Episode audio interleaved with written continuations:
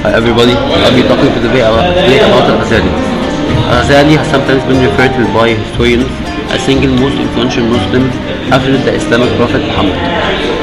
Others have cited his movement from science to faith as a deterrent to Islamic scientific progress.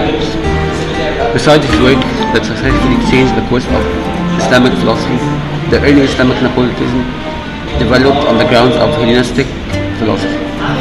For example, it was so successfully refuted by Al-Ghazali that never recovered. He also brought the Orthodox Islam of his time in close contact with Sufism. The Orthodox uh, theologians uh, still went their own way, and so did the mystics. But both developed a sense of mutual appreciation which ensured that no sweeping condemnation could be made by one of the particulars of their, of their own.